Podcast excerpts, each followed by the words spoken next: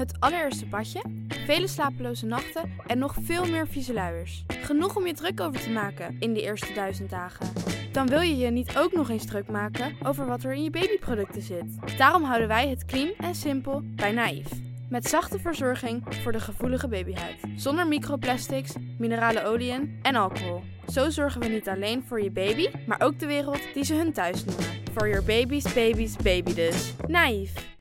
Hallo, ik ben Jaap Jansen En die zagen een blad gaan met korenwijn. En ik maak met PG Kroeger En een half uur later weer een blad met korenwijn. een podcast Toen heeft het kabinet gezegd, dan stappen we op. waarin PG historische verhalen vertelt die ook veel zeggen over vandaag. Goed zitten zijn, dat is een first voor mij. En waarin leiders en echte deskundigen vertellen hoe het werkelijk toegaat in Den Haag en in Brussel. En dan weet je hoe dat afloopt. De grote landen domineren, de kleintjes die worden onder de voet gelopen. Betrouwbare bronnen, Het is waanzin. Hoe is het mogelijk? twee keer per week in je favoriete podcast-app.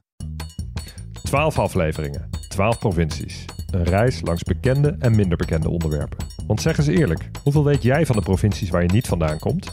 En nog eerlijker, hoeveel weet je van de provincie waar je wel vandaan komt? Een belangrijke vraag, want de provinciale statenverkiezingen komen eraan. Goede reden voor een bliksembezoek langs alle Nederlandse provincies. Nu geldt ons credo nog meer dan ooit. We zijn nooit volledig, maar wel origineel. Geen experts, wel liefhebbers. Welkom bij de provinciespecials van de grote podcastlas.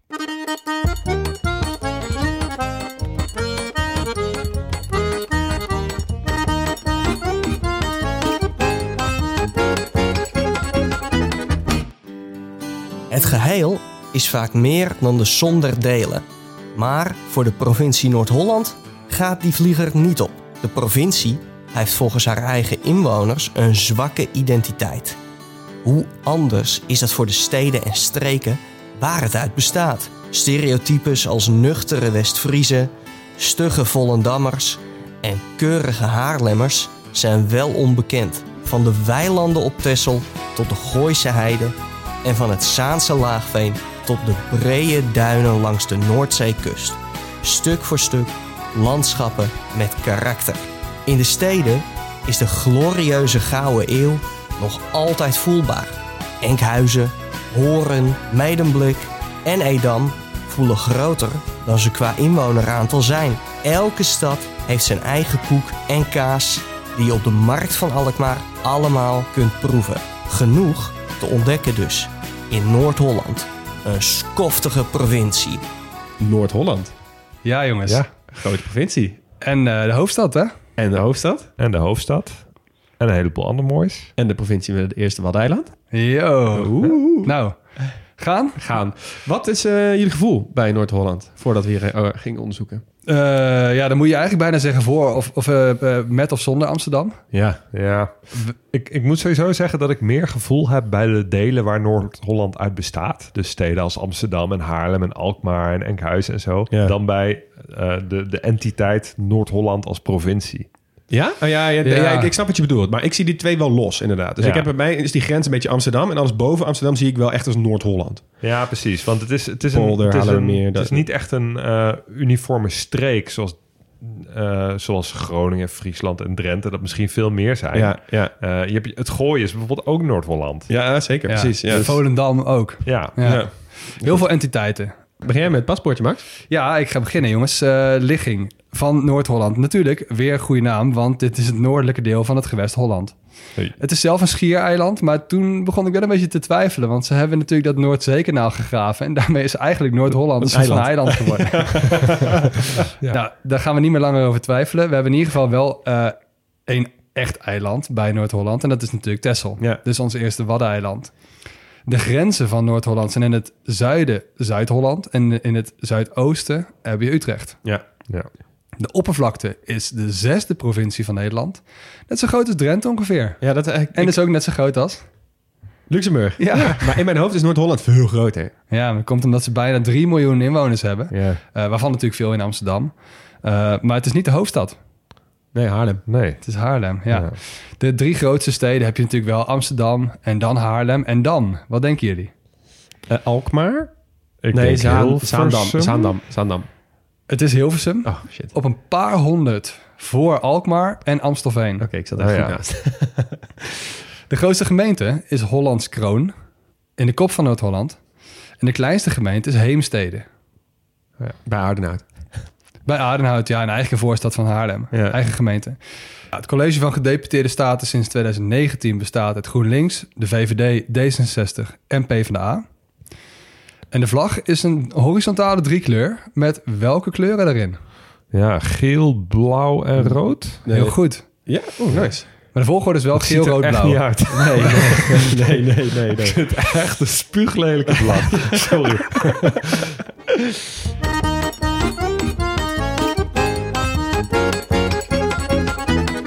Dan gaan we door naar het eerste hoofdstukje. En dat eerste hoofdstukje verdelen we altijd onder in bevolking, geschiedenis en politiek. En ik heb ook echt drie verhaaltjes. Leuk. Ja, eerste verhaaltje over de bevolking neem ik jullie mee naar een plek lekker aan zee, Egmond aan zee. Daar werd de basis gelegd voor een heel mooi fenomeen dat symbool staat voor Nederland tussen eind 19e eeuw, halverwege 20e eeuw. Denk echt volksverheffing, verzuiling, sociale bewogenheid. Ja? Heb ik het over de bleekneusjes. Nog nooit van gehoord. Wow, nee. Fijn, dan ga ik jullie niet meer over vertellen, want ik vond het best wel tof. Het was namelijk de tijd waarin er in de grote steden heel veel gebeurde. hè. De eh, leefcondities van mensen waren daardoor niet altijd even goed. Zeker niet van arme stadskinderen. En dat vielen een hele hoop mensen op, voornamelijk artsen en onderwijzers. En dat leidde tot heel veel losse initiatieven eh, om die bleekneusjes, zoals ze dan noemen, eh, tijdens vakantiekampen op krachten te laten komen. En in 1903 werden die gebundeld in het Centraal Genootschap voor Kinderherstellings- en Vakantiekolonies. En er gingen opvanghuizen komen.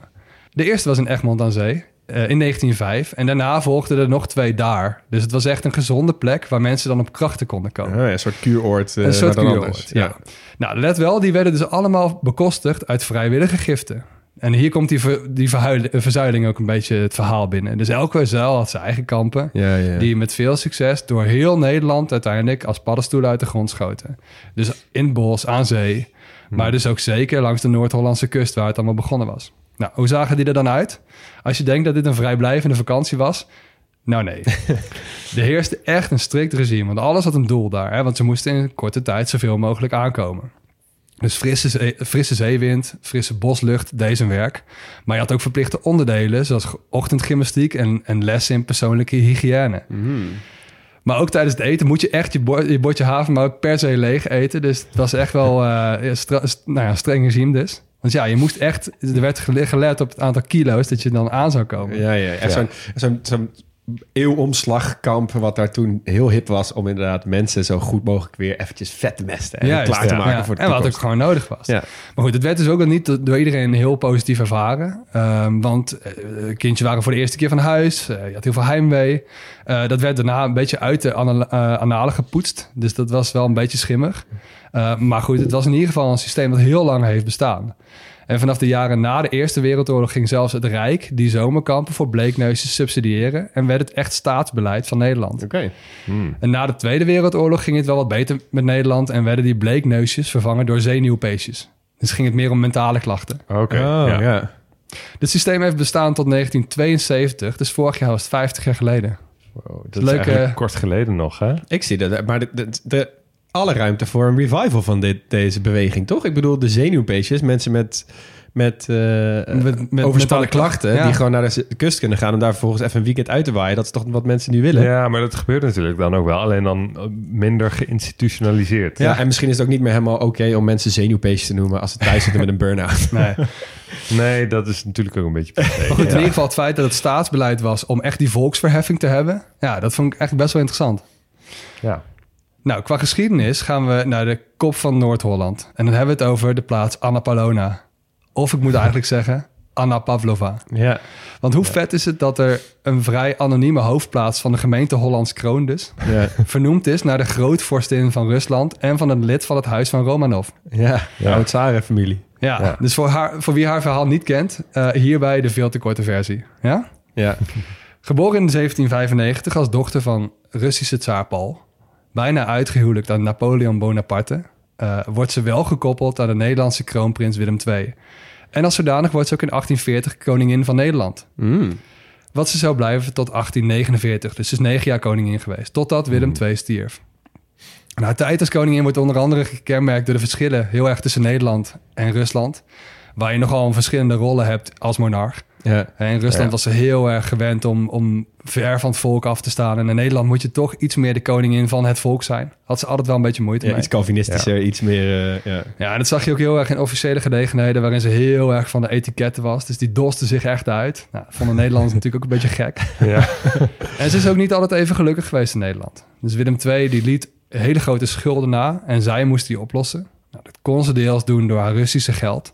Maar ze heeft ook de schilderijen uit het familiebezit van Oranje-Nassau verkocht. Onder andere wat Rembrandts. Waardoor die nu in het Hermitage hangen. Oh ja. Dus ja. Hugh, je zei pas, je mocht naar Moskou van je ouders... in plaats van naar eh, Sint-Petersburg. Ja, In dus Sint-Petersburg die had je ze gemist. gemist. Ja. Ja. die had je gemist. Ja. Nou, waarom is ze nou daarna vernoemd? De laatste polder van de kop van Noord-Holland werd ingepolderd in 1846. Precies tijdens haar termijn als koningin. Dus die is naar haar Ah, vernoemd. oké, ja. En daarmee dus ook de hoofdplaats. Ja, Nou, Ah. Kleine geschiedenisles. gaaf. En qua politiek eh, heb ik een verhaaltje dat eh, een heel goed voorbeeld is van de uitspraak dat de geschiedenis altijd geschreven wordt door de overwinnaars. En dan heb ik het specifiek over de naoorlogse stadsuitbreiding van de stad Amsterdam. Heb je even? Nou, in heel kort. Ik heb het altijd een heel intrigerend onderwerp gevonden. Omdat het aan de ene kant een hele goede geschiedenisles is met alle uitdagingen van de politiek van toen. En aan de andere kant een heel goed beeld geeft van het hele positieve, utop- utopische denken van, de, van die tijd. Eh meest in het oog springend van die tijd is natuurlijk de Belmer. Ja. er werd echt, Ja. er werd zo utopisch en ideologisch nagedacht over de manier waarop we toen onze steden uitbreiden. Ja. Ehm, wat minder bekend is, is dat Amsterdam echt een gidsstad was voor de stedelijke uitbreiding. En dat komt vooral door het Algemeen Uitbreidingsplan. Ehm, hoewel er al voor de oorlog begonnen werd met wijken als Bos en Lommer bijvoorbeeld. Die zijn al ouder dan de oorlog. Maar op weinig plekken zie je dat beter dan in Nieuw-West. De Slotervaart, Slotermeer, met als middelpunt de Sloterplas. Alles volgens het credo van licht, lucht en ruimte. Hè, dat deed meer aan de, aan de bouwstijl denken natuurlijk, maar Ja. ook aan de inrichting van die huizen. Ja. Ja. Er was natuurlijk ook een tijd dat eh, oude binnensteden nog heel vies waren en donker en Onveilig. onveilig. Dus Ja. vandaar dat licht ook. Ja. Ja, je kende strikte functiescheiding. Dus wonen, werken en recreëren hadden allemaal eigen plekken. Eh grote rol had je ook voor de auto bijvoorbeeld. En eh, stedenbouwkundigen lieten zich heel erg inspireren door eh, de architect Le Corbusier. Nederlandse architecten waren bijvoorbeeld Theo van Doesburg, Gerrit Rietveld en Cornelis van Eesteren. Nou, als je nou denkt, dit zijn toch niet echt de sociaal-economisch meest sterke wijken van Amsterdam. Dit vind ik dus altijd zo interessant, dat als je nu aan terugdenkt, dan zijn natuurlijk niet alle ideologische plannen die ze hadden even goed uitgewerkt. Of in ieder geval eh, uitgewerkt volgens de manier waarop zij het hadden bedacht. Ja, Mm. de tekentafel. Ja. Ja. Maar feit is wel dat de stedenbouwkundigen van over de hele wereld naar die westelijke tuinsteden kwamen kijken. Ja. Ehm, en dan heb je één plan, maar goed dat hij het niet heeft gehaald. Plan Kaasjager. Eh, vernoemd naar een politiechef uit de jaren 50. Hij had een extreem plan. 15 kilometer aan grachten dempen, onder meer het Singel en een stuk van de Amstel voor een snelweg. Ja. En het lijkt nu debiel. Ja. Maar stel je ook voor, hè, je hebt het over een tijd waarin schaalvergroting, waarin efficiëntie, modernisering eh, heel erg aan de orde waren. En er is niet zo heel veel inbeeldingsvermogen voor nodig. eh, voor, om een idee te krijgen van de uitdagingen waar ze toen voor stonden. Ja. Ja. Dus het was misschien ook in veel kringen veel logischer om je oude historische binnenstad aan te passen aan de tijdperk van de auto dan om het ervoor af te schermen. Ja. Ja. En het hele idee dat we nu van die hele mooie aansprekende oude binnensteden hebben, dat was toen nog best wel een rare gedachte. Ja. Want Ja. het was helemaal niet heel logisch dat je daar heel veel geld aan kon verdienen, bijvoorbeeld. Nee, precies. Nee. Ja. Nee, dat hebben we hier in Utrecht natuurlijk ook gehad met die, eh, die gedachten en zo. Ja. Maar de pech van, eh, van de Bijlmer en Nieuw-West is natuurlijk ook geweest... Dat, dat in die tijd dat het gebouwd werd... dat eigenlijk de wat rijkere stedelingen eh, daar uiteindelijk niet eh, kwamen te wonen... maar dat, dat die gingen suburbaniseren. Dat die echt naar Ja, het ja. platteland Viel precies viel samen. en naar ja.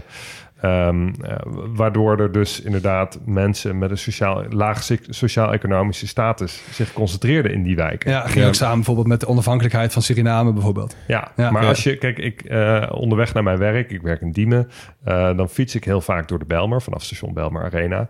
En ehm, dan is het eigenlijk, het is een ontzettend groene wijk. Ja. Ehm, de fietsinfrastructuur is fantastisch, want er is dus heel goed nagedacht over scheiding tussen eh, fietsen, tussen metrolijnen en tussen autowegen. Dus je, Ja. hebt, je hebt bijna geen gelijkvloerse kruisingen daarmee. Dus er zitten een aantal hele goed uitgewerkte stedenbouwkundige eh, concepten in die wijk. Ja. Ja, als je dit interessant vindt, een paar tips voor je. Eh, alle geschiedenis ooit aflevering over het ontstaan van de Belmer. Uh, het boek Jaren van Verandering van Han Leurzing. Ja, uh, Nederland tussen 1945 en 2014. Dus heeft hij echt per thema, per jaartal... een hele grootscheepse verandering in de Nederlandse cultuur. Uh, vooral stedenbouwkundig van aard. En het Van Eesteren Museum aan de Slotenplas gaat precies hierover, over dat algemene uitbreidingsplan. je kunt zelfs met een gids een stadswandeling maken door van die modelwijkjes uh, in Slotervaart bijvoorbeeld. Oh, Echt interessant. Max gaat deze tipjes even voor je op de website zetten. Yes. Ja. nou, dan hebben we natuurlijk nog iemand ge, uh, gesproken. Floris Rauwbos werkt bij NH Media. Uh, van de publieke omroep. En die heeft ons even verteld wat nou een beetje de, de thema's zijn die tijdens deze provinciale verkiezingen spelen in Noord-Holland. Ja, Noord-Holland is een heel interessante provincie, ook als het gaat over de provinciale statenverkiezingen. Er zijn factoren die ook landelijk veel aandacht krijgen, zoals Schiphol en Tata Steel. En uh, nou, er is stedelijk gebied, waar uh, rondom Amsterdam als knooppunt altijd mobiliteit een belangrijk onderwerp is. Maar er is ook veel landelijk gebied in het noordelijk deel van de provincie. Waar uh, issues spelen als uh, stikstof, windenergie, zonne-energie. Maar ook uh, leegloop, het afkalven van voorzieningen daar. Dus genoeg belangrijke onderwerpen. Waarbij het best lastig is om zomaar te zeggen wat nou het meest belangrijke onderwerp is bij de komende verkiezingen. Dus vergeet niet, ga stemmen 15 maart.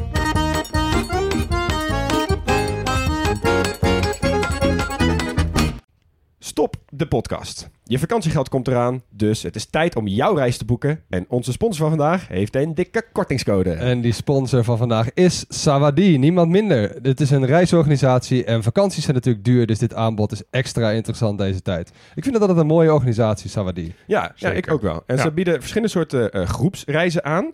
Uh, en vandaag gaan we het even hebben over die ze aanbieden aan de 22 tot 35-jarige backpackers. En dat zijn over het algemeen mensen die wel wat meer willen weten over het land dat ze bezoeken. En dus niet zomaar van A naar B die hotspots aflopen, busje in, busje uit. Mhm. Ja, en het zijn ook mensen die het vaak leuk vinden in een groep uh, te reizen. En uh, die groepen die blijken ook heel snel vriendengroep te worden. Zowel tijdens de reis als daarna. Uh, mensen komen vaak nog heel, veel, heel vaak met elkaar terug, spreken af om te meeten en zo. En je kunt dus ook echt naar heel veel plekken op de wereld.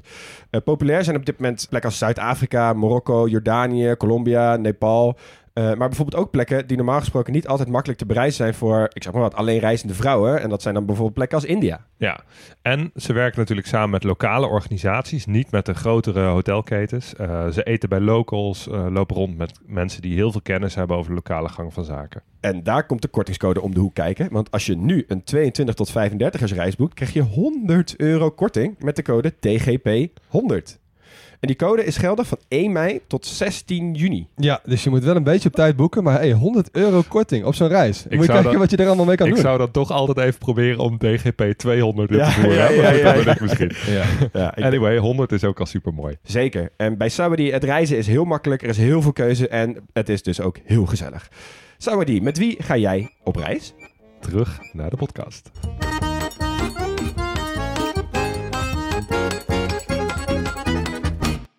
Goed fysisch geografisch. Uh, Noord-Holland is een behoorlijk platte provincie, behalve langs de kust. Gaan we dit zeggen bij elke provincie in Nederland?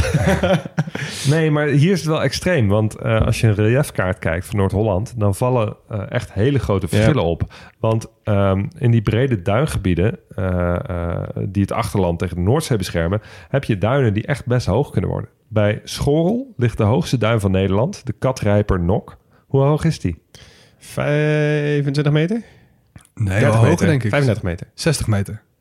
Ja, jij zit warm. 55,4 meter. Ja. Ik vond het echt ziek hoog. Ja, je kan ook heel goed mountainbiken daar bij school. Ja, het is ook echt leuk, want die, die duin die ligt aan het dorp. Ja, precies. Je rent ja. zo die duin. Als je daar zit op het terras, dan komen al die kinderen die duin afrennen. Nou, super. Dus uh, um, als we kunstmatige bergen niet meetellen, dan hebben alleen Utrecht, Gelderland, Overijssel en Limburg hogere punten. ja, dus het, uh, en zo dicht bij zee. Zonder Vanberg. Ja. Ik dacht um, uh, ook nog even, is het misschien wel de hoogste duin ter wereld? Maar nee, dat is het echt. echt wel lange na niet. Een duin van honderden meters hoog. Maar goed, ik vond het echt, echt heel hoog voor een duin. Uh, die duinerij die wordt trouwens op één plek plots onderbroken. Bij Petten, uh, dus ten noordwest van Alkmaar, is in de middeleeuwen uh, de duinerij opgeslokt door een stormvloed. En daarom ligt daar nu een zeedijk van ruim 5 kilometer, de Hondsbosse Zeewering. En een zeedijk is een harde kustmaatregel. Dus die is, die is opgebouwd met, uh, met allerlei stenen, blokken, et cetera. Dus die beweegt niet mee met de natuur. Zoals duinen en stranden ah, wel doen. Okay, ja. uh, de Nederlandse kust, dat is een heel natuurlijk proces. Dat is een beetje geven en nemen. Um, maar dat is een probleem. Want de duinen aan weerszijden van de dijk... daar is sprake momenteel van erosie. En dat betekent dat de dijk daardoor steeds meer gaat uitsteken in zee. Ja. En op die manier dreigt de zee eigenlijk om de dijk heen te komen. Ah, oké. ja. um, dus ze zijn nu uh, uh, dus aan weerszijden van die zijn dijk bang. totaal grote hoeveelheden zand op het strand aan het spuiten om die erosie tegen te gaan. Oh ja, oké. Okay. Nou, het binnenland van Noord-Holland is sowieso niet altijd zo droog geweest als het nu is. Als je kijkt naar oude kaarten van Nederland, dan zie je wel dat daar echt meer water lag dan land. Heel veel land is dus droog gemalen. In de 17e eeuw uh, bijvoorbeeld de Beemster, de Schermer en de Purmer met, uh, met uh, molens. Um, en in de 19e eeuw werd gebruik gemaakt van stoomgemalen. En die hebben bijvoorbeeld de Haarlemmermeer drooggepompt. Ja. Bekendste stoomgemaal daarvan is het Krukjesgemaal. Dat is de grootste stoommachine ter wereld. Hier zie je dit soort dingen. Hè? Ja, gewoon... Bij Drenthe hadden we er ook een. Ja, ja. gewoon in Nederland. Was het ook weer? Grootste ter wereld of zo? Oudste boot. Oudste, boot ter wereld. Ja, grootste gemaal van Nederland. Ja, de wereld, ja. Um, maar die gemalen zijn echt mega interessant. Echt, als ik een klein uitstapje ga maken naar hun zuidenburen. Je hebt Madurodam, ja. wat voor ons natuurlijk fantastisch is. Heb je een hele leuke uh, uh, soort attractie over dat gemaal. En over het, het, stormgemaal en hoe dat ging toen. En het, en het beest wat daar, uh, zeg maar... Wat, hoe ze de, de, enorm interessant. Je kan trouwens ook naar dat Krukjesgemaal. Daar zit nu een museum in. Ja. Het is niet alleen technisch heel bijzonder, maar ook architectonisch heel mooi. Ja. Uh, in de 20e eeuw is ook een landaanwinning gedaan door delen van de Waddenzee en de Zuiderzee droog te maken. Uh, we hadden het al even over de Annapolona-polder, maar ook um, uh, de Wieringermeer is daar een voorbeeld van. Die werd drooggelegd nog voor de voltooiing van de afsluitdijk. En dit was dus geen IJsselmeerpolder, maar een Zuiderzeepolder. Oh, oké. Ja, grappig. En hij viel uiteindelijk droog in 1930. Vanaf 1934 kon die gebruikt worden voor de landbouw. En voor eh, dit is de eerste polder waarbij de uitgaven van land... want ja, je hebt ineens een nieuw stuk land... dus je moet boeren, dat verdelen over boeren... Uh, door de overheid werd gereguleerd. En dit werd dus eigenlijk een proef voor de latere Flevopolders. Ja, ja. Oh ja. ja. Daar komen we bij Flevoland nog wel uh, uitgebreid over te spreken. Nou, die drooggelegde Haarlemmermeer... die heeft natuurlijk plaats geboden aan Schiphol. Ja in 2019 uh, uh, welk vliegveld uh, van de wereld gemeten naar passagiersaantallen? In 2000? 2019? In passagiersaantallen. Ja? Overstap telt mee dan, denk ik. Hè? Ja. Vijfde of zo? Zesde? Mm. Negende? Nee, twaalfde. Maar we zijn nog gezakt door die Chinese opkomst. Nou, ja, er staan heel veel Amerikaanse vliegvelden in de top ah, ja, ja, ja. Um, in Europa is het de... Vierde. Frankfurt, de Gaulle, Heathrow en dan ik denk inderdaad, die drie staan de ES3. Nee, de tweede. Alleen uh, Charles de Gaulle heeft er meer. Ja, ja? Dus het is echt een, op één grootste vliegveld van, uh, van Europa. Ja. Een van de grote aanjagers van de naoorlogse economie. En een van de bedrijven die daar bijvoorbeeld enorm van heeft geprofiteerd uh, in de buurt, is de bloemenveiling in Alsmeer. De grootste bloemenveiling ter wereld. bloemen zijn natuurlijk producten die bij uitstek per vliegveld moeten, of per vliegtuig moeten worden vervoerd naar ver weggelegen. Ja, vers. Ja. En een van de grootste gebouwen van de wereld qua volume toch een van de grootste. Samen met Pentagon of zo, echt van dat soort dingen. Is ja, je komt echt in dat rijtje. Ja, en volgens mij gaan de vergelijkingen ook bijna op met van... is het groter of kleiner dan Monaco? Dat, dat soort dingen. Ja, ja, ja. ja het is echt insane. Um, maar als we het hebben over economische aanjagers... dan vergeten we ook heel vaak de haven van Amsterdam. Gemeten naar het aantal tonnen vracht. De hoeveelste haven van Europa is Amsterdam dan?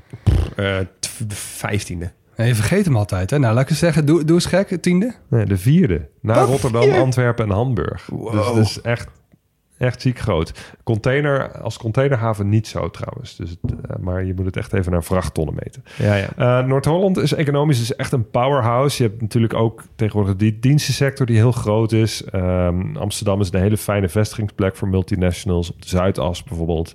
Eén bedrijf wil ik even extra benoemen. Uh, een bedrijf waar we ook heel veel van merken in het dagelijks leven en heel veel aan hebben. en in het buitenland misschien ook wel het meest beroemd mee zijn. De Albert Heijn.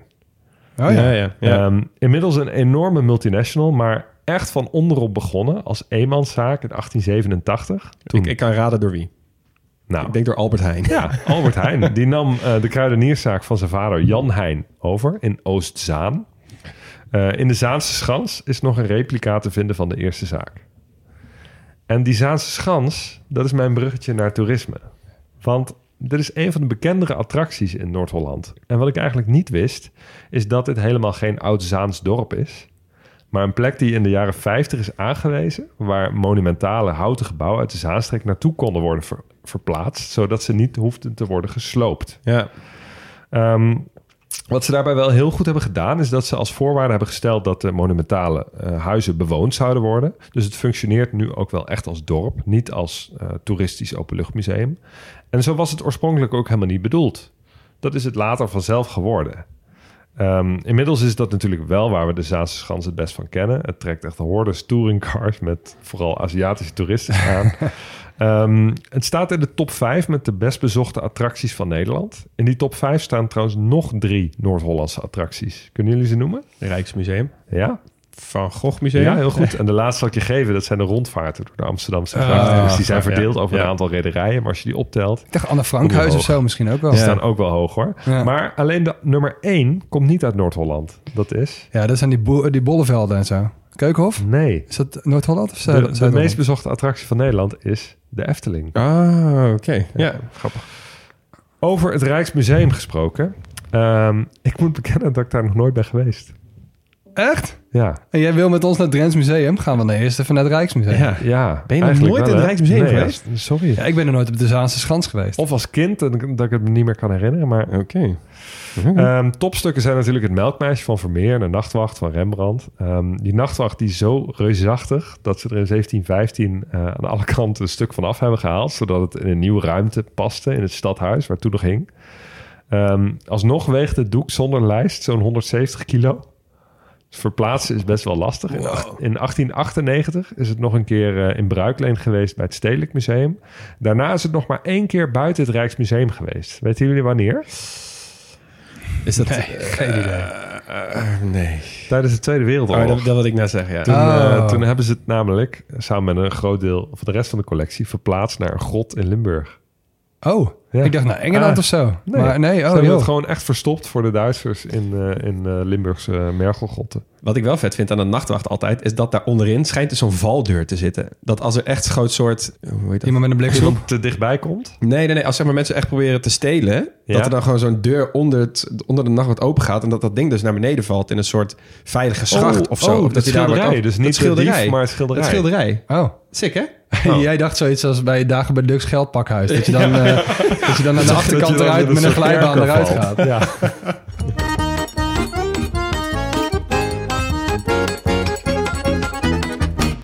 Hoofdstukje cultuur, keuken, sport. En ik heb ook, net als Max, drie verhaaltjes voor jullie. En daar ga ik het ook eventjes bij houden. En we beginnen natuurlijk met cultuur. En dan moeten we, moeten we op één specifiek gebied inzoomen... wat ik echt wonderlijk vind dat we daar nog niet op zijn gekomen. Volendam. Ja. ja. We gaan luisteren naar Paling Sound. Hey. Um, Paling Sound. Allereerst, waar komt de term vandaan? Dat is dus best wel vet. Is dus gemunt door uh, iemand van Radio Veronica. Omdat de manager van de eerste Paling Sound band The Cats... kwam altijd met verse paling naar de studio. en toen noemde hij dat altijd gewoon... Oké, nou, die Paling Sound voor jullie. Dus het is helemaal geen, zeg maar, genre. Het is gewoon een oh. geografische term voor muziek uit Volendam. Ja, ja maar niet, niet om... om maar ik dacht dat het een soort marketing... Ja, is, het, het, is het ook een beetje. Want het is niet een specifieke sound. Zeg maar, sommige mensen noemen het wel... Oh, dit is echt die palingsound. Maar officieel is het dus alleen een geografische term. Dat is dus geworden en niet ooit zo bedoeld. Exact. Dus dat is wel grappig. Nou goed, ik had het al even over de Cats. De Cats is echt, als wij waarschijnlijk aan onze ouders vragen... Uh, of aan onze tantes of wie dan ook... iedereen kent de Cats. Uh, ze zijn begonnen in 1964 uh, als popgroep. En ze bestaan met enkele onderbrekingen tussendoor tot ongeveer 1985. En het was echt een van de meest succesvolle bands van Nederland. Op dit moment heb je ook heel veel tribute bands en allemaal specifieke sound die ze hebben, hebben gehad. Um, en ik ga even een nummertje van hun laten luisteren, namelijk One Way Wind.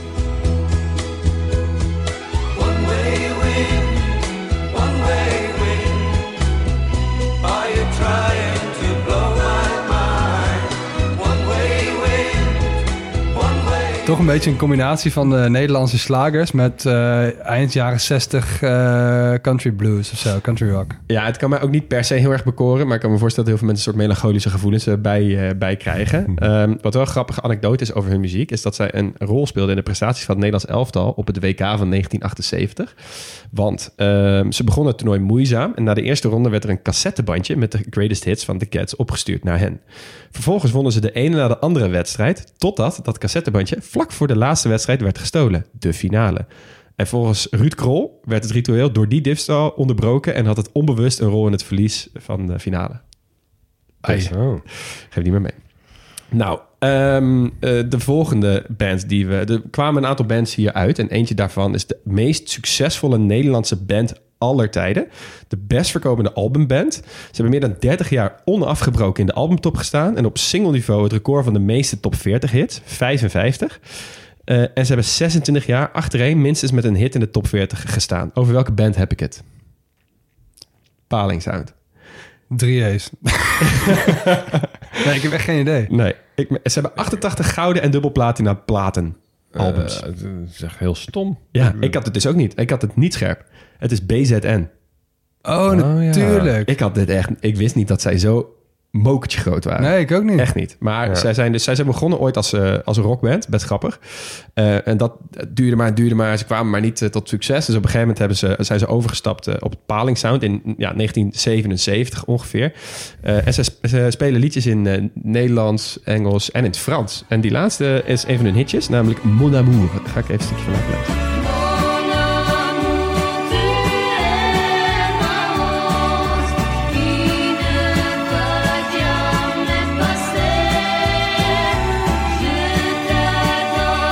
dit is echt een, uh, een zwarte vlek in mijn uh, muziekgeschiedeniskennis. Bij mij ja, ook. Maar best wel een schandalige, want als ja. 26 jaar. Ja, ja, ja. ja.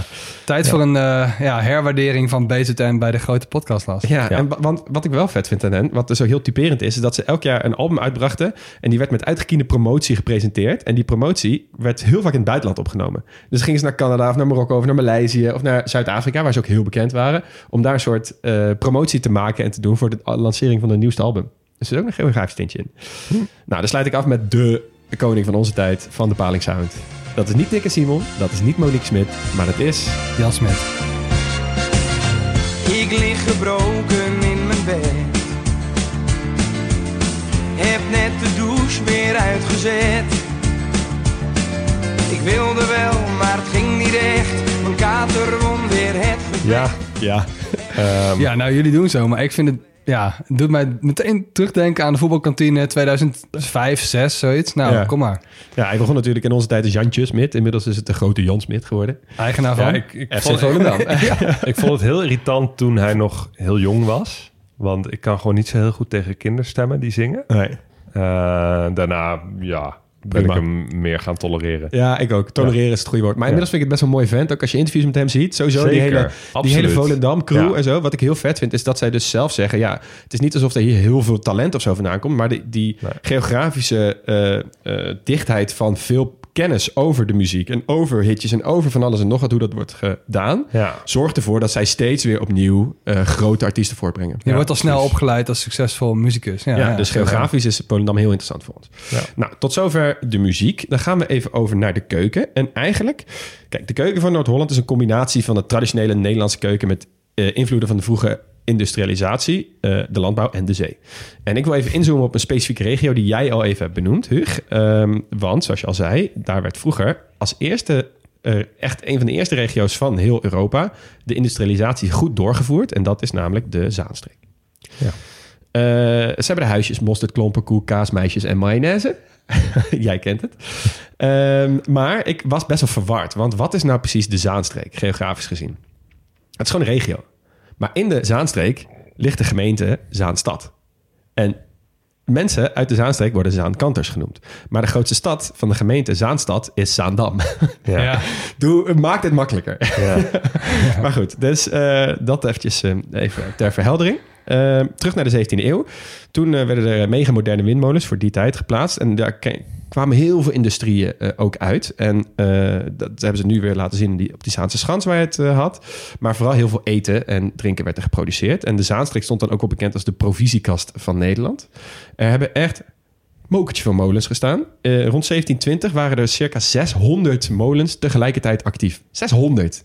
Moet je nagaan hoe dat landschap eruit heeft gezien. Ja. Bizar. Uh, en er was in Europa geen streek te vinden waar op zo'n kleine oppervlakte zoveel verschillende nijverheid te vinden was. En dit had natuurlijk te maken met het landschap, polderlandschap, maar ook met de nabijheid van de haven van Amsterdam. En eigenlijk lag het perfect in het toen heel rijke Holland. Uh, en jullie kunnen ongetwijfeld grote namen noemen die hier vandaan komen. We hebben het over Albert Heijn gehad, maar bijvoorbeeld denk ook aan honig, duivis, verkade. Um, Maar één ding wil ik nog even op inzoomen en dat is cacao. Want uh, uh, cacao is een van de dingen waar Amsterdam groter in is dan Rotterdam qua haven. Uh, er worden 600.000 ton cacaobonen aangemeerd in, in Amsterdam elk jaar. En in 2018 importeerde heel Nederland 1,1 miljard kilo cacao. Dit is echt by far het meeste van alle landen van de wereld. Oh ja? Ja, by far. Wij ver, ver, verbouwen, zeg, hoe heet dat? Wij processen het meeste cacao van alle landen ter wereld. Wow. Huh. Dat komt dat, is niet een, uh, een, dat komt niet uit het niets, want Koenraad van Houten, een scheikundige, uh, heeft namelijk het proces uitgevonden waarbij de bitterheid van cacao weggehaald kan worden en het makkelijk water oplosbaar werd en waardoor wij dus de chocola kunnen maken die we dus nu kennen als die zoete chocolade. En dit proces staat in het Engels tot op heden ook bekend als Dutching. Of the Dutch process. Ah, dat wist ik helemaal niet, joh. Nou, heb je dat weer geleerd. Tot zover de chocolade. Ja, wat wel mooi is, ik had in mijn tienerjaren een vriendinnetje in Wormerveer. Mm -hmm. En die woonde uh, uh, aan, bij haar aan de overkant van de Zaan stond een grote cacaofabriek waar uh, cacaobonen werden gebrand. Ja, en dat het ruik je, rook daar ook Ja. altijd naar cacao. Ja, maar als je in Zaandam uh, loopt, dan... Je hebt ook, of je had daar volgens mij in het verleden heel veel koekjesfabrieken. Dus die hele regio ruikt gewoon naar koekjes. Dat is toch fantastisch? Ja. dus aan de goede kant van Noord-Holland ruikt het altijd naar koekjes. Aan de slechte kant ruikt het altijd naar de hoge ovens. Inderdaad. nou, uh, over uh, grote namen gesproken, dan gaan we even door naar de sport. Het is natuurlijk uh, de voetbalprovincie bij uitstek met de allerbeste Nederlandse voetbalclub bij uitstek. Zeg maar gewoon objectief en subjectief gewoon het allerleukste voetbal is, namelijk onze alle Ajax. Um, maar we gaan het niet hebben over voetbal, want daar heb je duizend miljoen mooie voetbalpodcasts voor. Uh, we gaan het hebben over andere dingen. Olympiërs, dacht ik, eventjes een goeie. In de top uh, van de Nederlandse Olympiërs komen er best wel wat uit, uh, uit Noord-Holland. Denk aan Irene Schouten, het grootste schaatstalent. Heel veel gouden medailles bij de laatste winterspelen. Uh, Yvonne van Gennep, die in 1988 hoogpersoonlijk de Oost-Duitse schaatsdames sloopte. Gerry Kneteman, Nederlander met de meest gewonnen toeretappes. Samen met Jan Raas en Zoetemelk. En Dorian van Rijsselbergen. Hey. De windsurfer van Tessel. Die met zieke overmacht twee gouden plakjes binnenharkte in Rio en in Londen. Mooi vent ook. Ja, zeker. Um, maar ik wil het even hebben over een sport die is uitgevonden in Noord-Holland. Enig idee? Oeh. Uh, wij zijn er heel goed in.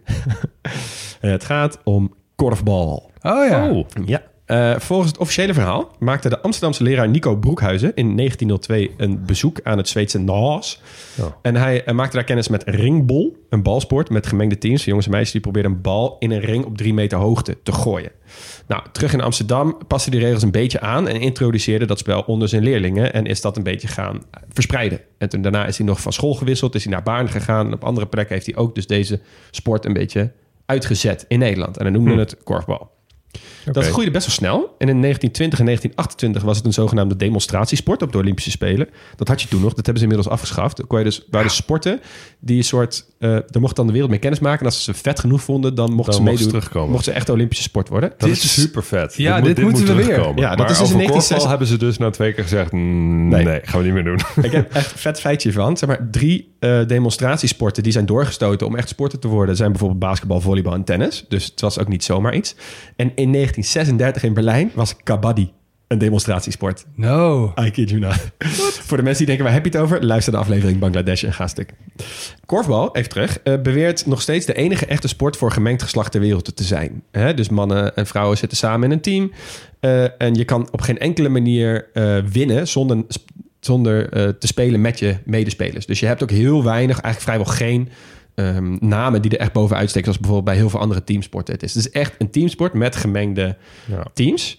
Ehm, je moet ook echt supergoed samenwerken. Fysiek contact is verboden. En eigenlijk als je kijkt naar zeg maar, de ontwikkeling nu... want de Olympische Spelen zijn veel meer bezig met gendergelijke spelen... en uh, veel meer alle sporten voor vrouwen en mannen te laten zien. Dus eigenlijk is korfbal gewoon perfect hiervoor. Ja, er werd vroeger altijd best een beetje lachen gedaan soms over korfbal. Ja. En, maar eigenlijk is het gewoon een, een, een sport die super goed is, denk ik, voor de ontwikkeling van kinderen. Om met jongens en meisjes door elkaar te sporten. Gelukkig wordt dat met voetbal ook, ook steeds meer gedaan. Ja.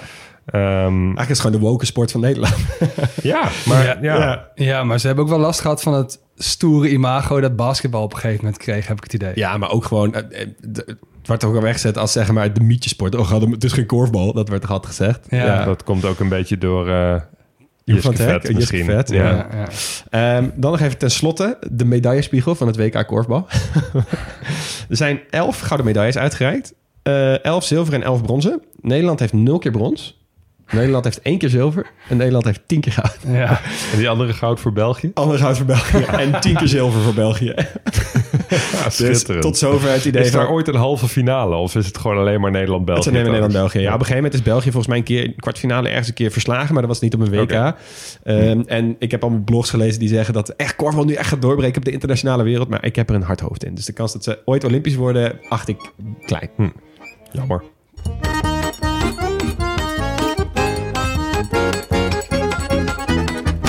Jongens, wat gaan we doen? Eén dag in Noord-Holland. Eén dag, in Noord-Holland.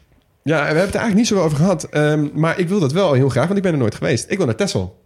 Ja. Ik wil oh, naar de Tesselse brouwerij. Ik wil daar gewoon een beetje rondfietsen. Ik wil gewoon kijken hoe die, uh, ja, hoe die, snap ik. Hoe die schapen erbij uh, bij hangen. Ja, ik heb er wel zin in.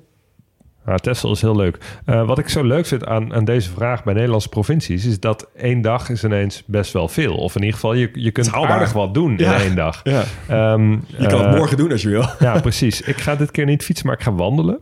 En ik wil eigenlijk wandelen van de Noordzeekust naar de uh, kust van Markermeer. En dat doe ik ongeveer ter hoogte van um, uh, Purmerend. Dus dan begin je een beetje bij Castricum in het westen. En dan loop je uh, door de Zaanstreek uh, richting Edam en Volendam. En dan ga je daar een afzakkertje doen op het terras. Ah, nice. Ja. Goeie. Lekker. Ja, ik ga toch naar de Zaanse Schans dan. Want het is toch wel, ja, ik moet echt bekennen dat er best wel veel van die Nederlandse super hoogtepunten. Ja, dat ik daar gewoon nooit geweest ben. Ja. Dus, en dan zoek ik gewoon, ja, weet ik veel, zoek ik gewoon een keer een namiddag in januari. En dan zijn al die Chinezen weg. Ja. En dan ga ik, het gewoon, ga ik het gewoon lekker bekijken. Ja, je kan daar in de regio ook nog wel lekker eten. Dus ja. uh, ik zou zeker die kant op gaan. Wat wel stom is, net voordat we afsluiten. Sorry jongens, uh, voor iedereen die uit Haarlem komt. Bijna de leukste stad van Nederland. Ja, ik vind Haarlem, Haarlem echt een hele mooie stad. Of zoals het in de regio ook wel genoemd wordt, Baarlem. Omdat er veel jonge ouders naartoe verhuizen... omdat ze Amsterdam zat zijn of te duur uh, vinden. Ja. dus als we iets te weinig in, aandacht aan jullie besteed hebben... Nooit verleden. Sorry, wel leuk. Ja. Oké okay, jongens, heel erg bedankt voor het luisteren naar dit hoofdstuk van de kleine podcastlas. Wij waren Leon Moelens. Wij waren, zijn we nog steeds joh. Wij zijn Leon Moelens, Max Gertsen en Hugo Noordman. Jonas van Impen, die doet de eindmontage. Zijn nooit volledig, wel origineel, geen experts, wel liefhebbers. Volg ons op Twitter of Instagram op Grote Podcastlas en kijk op de site www.grotepodcastlas.nl. En volgende week reizen we naar Limburg. Later grap.